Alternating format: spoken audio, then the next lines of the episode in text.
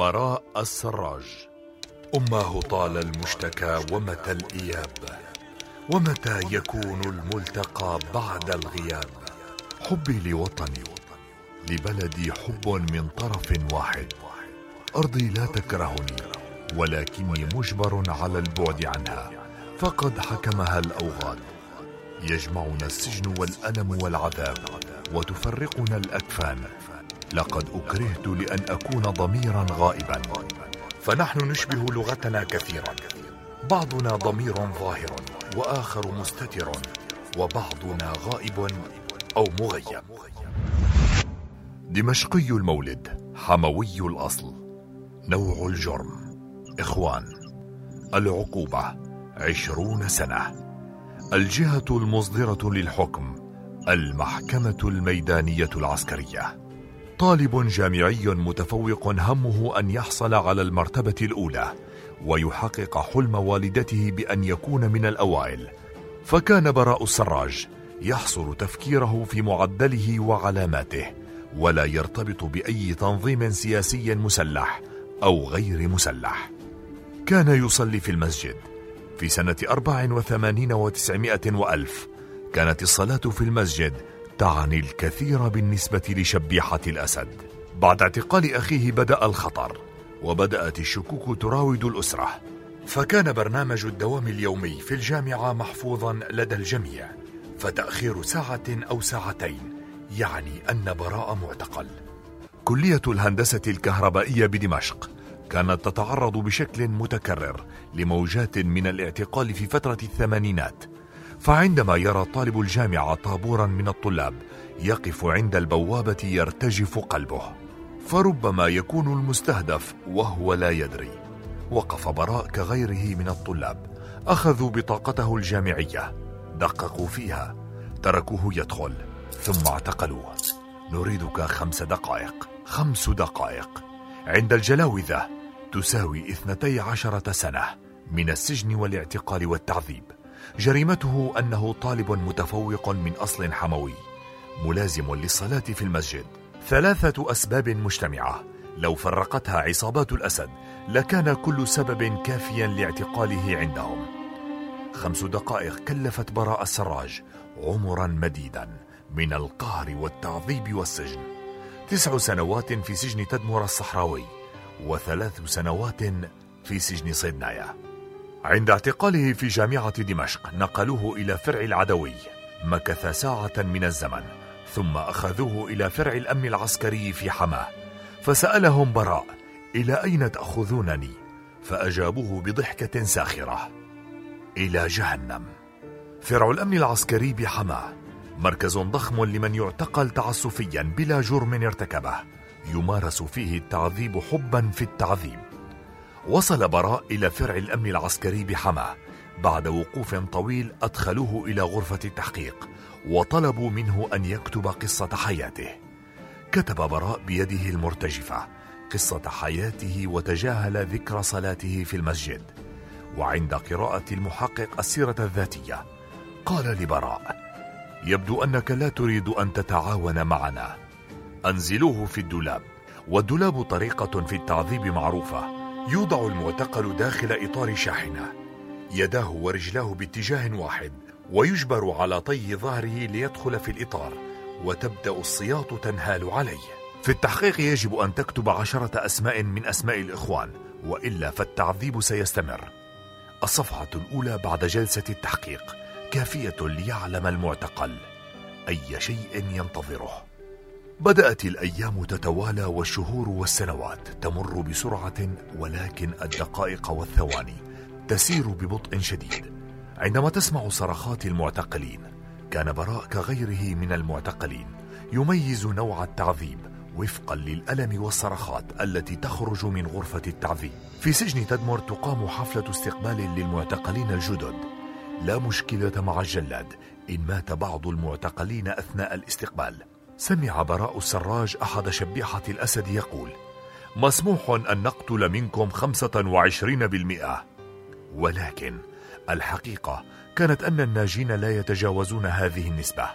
لاحظ براء السراج خلال سنوات اعتقاله وتعذيبه أن هناك فترات يشتد فيها القتل وتطلق يد الشبيحة تماما كسنة سبع وثمانين وسنة تسع وثمانين حتى سنة إحدى وتسعين. حيث لا قانون ولا ضابط ولا رادع يمنع الشبيحة من قتل المعتقلين. أما لو حدث القتل دون إذن مسبق فقد يتعرض الجلاد لتأنيب صوري من أسياده لأنه يقتل بلا تعليمات مسبقة. ألوان التعذيب التي شهدها براء السراج كانت مؤلمة. يخرج السجناء يأتي الجلاد والجلاوذة ويضربون السجناء على رؤوسهم بهروانات حديدية. يموت من يموت ويغمى من يغمى. هكذا هم شبيحة الأسد. مجرمون. ضباع بلباس بشر. يؤمر السجناء بغسل الأرض من دماء أصدقائهم. عليهم أن يحذروا جيدا.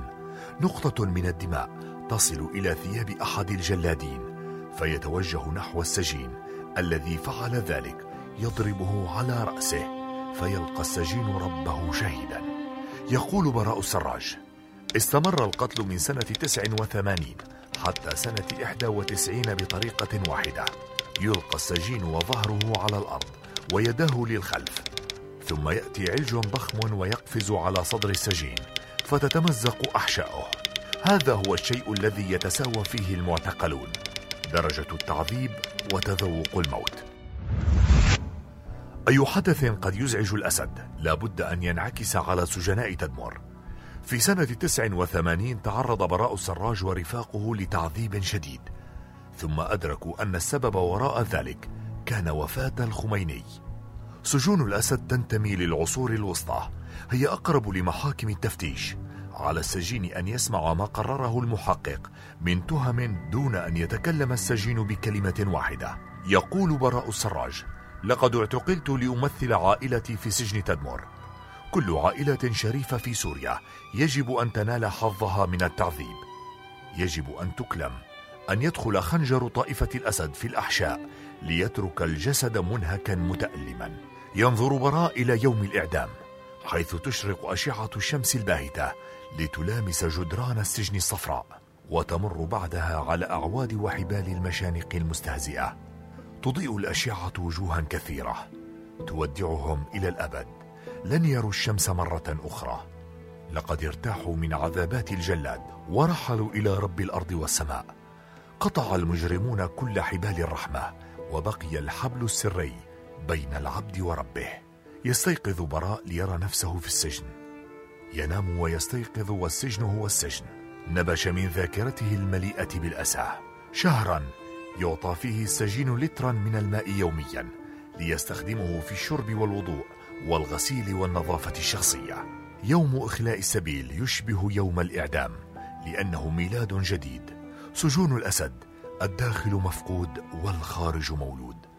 في صبيحة اليوم التاسع من شهر كانون الأول سنة أربع وتسعين وتسعمائة وألف صاح الجلاد بأسماء المفرج عنهم وكان براء أحدهم. بعد أن سجن اثنتا عشرة سنة بلا جرم. أنزلته سيارة نقل السجناء عند جامعة دمشق. عادت له ذاكرته حيث سرقوا منه زهرة شبابه. لم تنسى أقدامه طريق منزله. أراد أن يقرع الجرس لكن صوت أحدهم سبقه قائلا. أهلك غادروا منذ زمن إلى أمريكا. اتصل براء بأهله. سمع صوت والدته وعزم على السفر. ولكنه يريد أن يلقي نظرات الوداع على منزله الذي عاش فيه. دخل المنزل وشاهد الذكريات تطفو على طبقة من الغبار تغطي المكان. الغبار شاهد على تلك السنوات فانفجر بالبكاء. ودع المنزل ودع دمشق وسافر إلى أهله وبدأت مرحلة من العزيمة والإرادة على العودة للدراسة والتفوق. فحصل على درجة الدكتوراه في المناعة باختصاص مرض الروماتيزم ثم خمس سنوات باختصاص زراعة القلب. ألف كتابا أسماه من تدمر إلى هارفورد يحتوي على مذكرات التعذيب التي عاينها لقد كان براء السراج واحدا من آلاف الشباب المثقف المتفوق الذي انتصر عليهم الأسد في البداية لكنهم صارعوا آلامهم فانتصروا. على عتبات التاريخ نقف وقد شابت رؤوسنا. وما زلنا نحلم بسوريا. سوريا المستقبل سوريا الحرية سوريا الكرامة. فنحن لم نخسر معركتنا لأننا أحياء لأن أمامنا هدف يجب أن نصل إليه.